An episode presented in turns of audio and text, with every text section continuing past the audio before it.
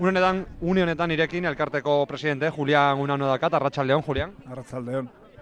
Sentsazio dakat nekazarien edo lehen sektoraren protesta guzti hauek hasi direnetik, bain zuzen ere, batez ere begi bat nekazaritzan daukagula abeltzainak gutxi aipatzen ditugu, baina basogintza kasik ere ez da ez da aipatzen.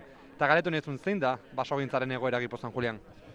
Bueno, gazogintzaren egoera eta hitz egiteko nik uste eh, denpora e, desente hartu behar dela eta hola e, zea batien, momentu batien eta puntu konkreto batea ekarreta esplikatzeko nik uste oso e, gauza zabala dela.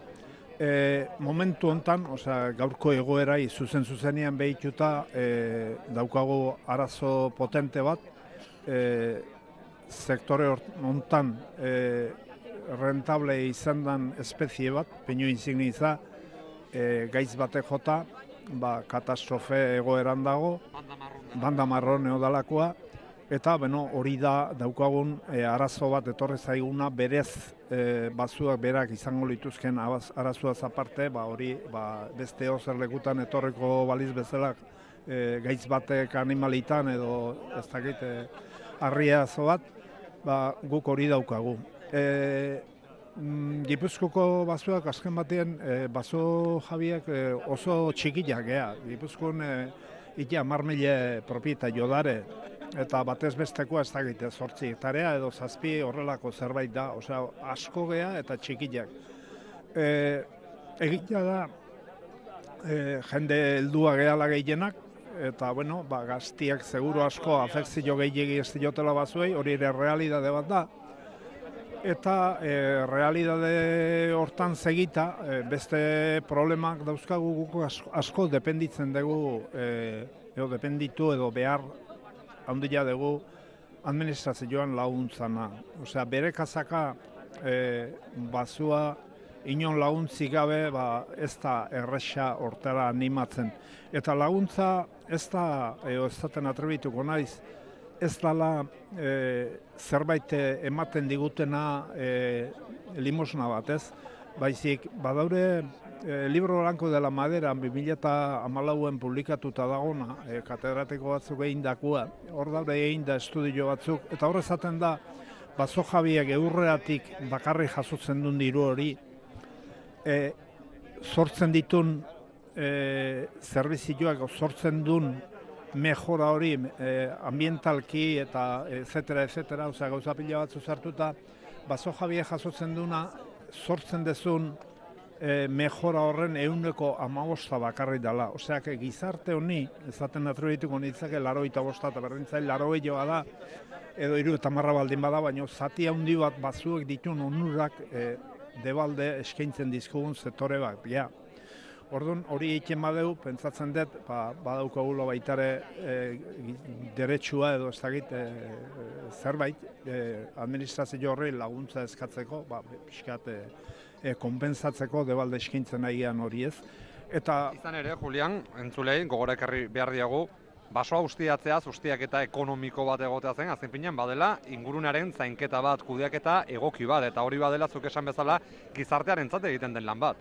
Bai, e, guk e, ematen du, eta ez dakit askotan, e, e, garbi dagoela uste dut, e, gu e, ezagutzez gehan sektore bat, dala, danak opinatzen dute bazuetaz, baino bazuan oso jende gutxi biltzen da. Kaletik ikuspegi bat da, urbanita deitze zaiona edo abar entzundunak eta ez dakit zenbat gauzak egin, ba, eozeinek opinatzen du bazuetaz eta eozeinek ezaten du horre sortzen ditugun galerak eta trabak eta bestia eta bestia.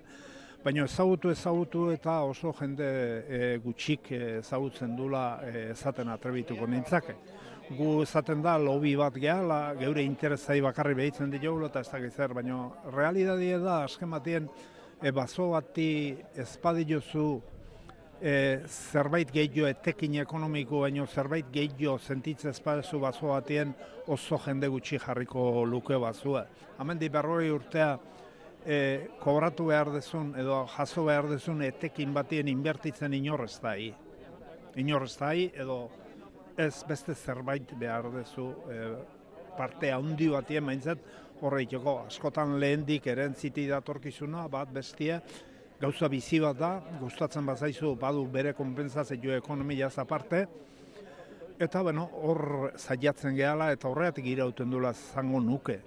Be, garbi dago, e, niretzako behintzat garbi dago, e, guk eskaintzen duguna, guk gehalako, bazo jabiak dielako daude gipuzkoko bazuek, erozein e, paseatzea juteko, eizea juteko, eparetxuguta juteko, edo ez da gizerta juteko, eiteko mundarenak guk desaparezituko egina, E, Bai, osea, erabat zakarrak zikinek hartuko luke, zutien arriskuak egituko lehizke ez da noaino, eta bar, eta bar. E, nolabait, e, faltan botatzen dut, eta botatzen deu, e, lan horren rekonozimentu bat. Osea, gu egiten agian hori, askotan e, zaten dana, bazora ezagutze ez hori, baino entzun duen horrek, egiten duen balorazio hori nolabaiteko gure e, galerako zerbait edo estorbu bat bagine bezala.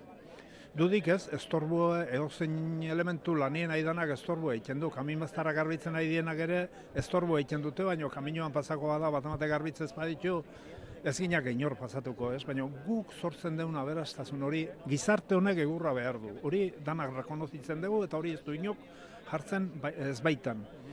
E, eta egur hori nunbaitetik ekarri behar da. Edo hemen ateatzen dugu, edo beste nunbaitetik ekarriko dugu, baina egur hori behar dugu.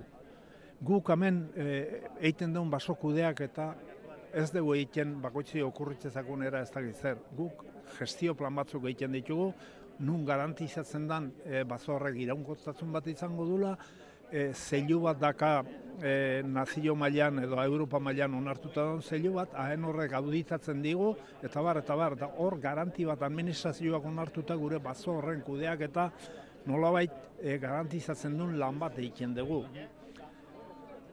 Eta bueno, ez dakite nola esplikatu ere e, egoera, ez? Ezatet, gauz pila bat daude, e, ez da gitanak e, behar bezala esplikatzen inok entenditzeko mun, ez? Baina, bueno... Hale ere, Julian, esango nuke zuzen, esan duzula asiran zurasko basogintzaren sektorea, hortxeak agun arazoa dela, ez ezaguna dela, editarren gehiengoaren zako, balio dezala, behintzat nahiz irratiaren mikrofonoa, ba, basogintzari, gipozako basogintzari agotxa emateko eta bintzat, zuen problematika, zuen hautik entzuteko. Julian Uneanue, Gipozako Baso Elkarteko presidentea, mi eskertartetxo bat hartzagatik, eta ba, guri azalpenak eskaintzagatik. Ba, zeuei eskerrak, e, guk behar dugu, e, edo nahi dugu, jendiak gu ezagutzia, eta eskertzen da e, zuen gaurko presentzia jamen.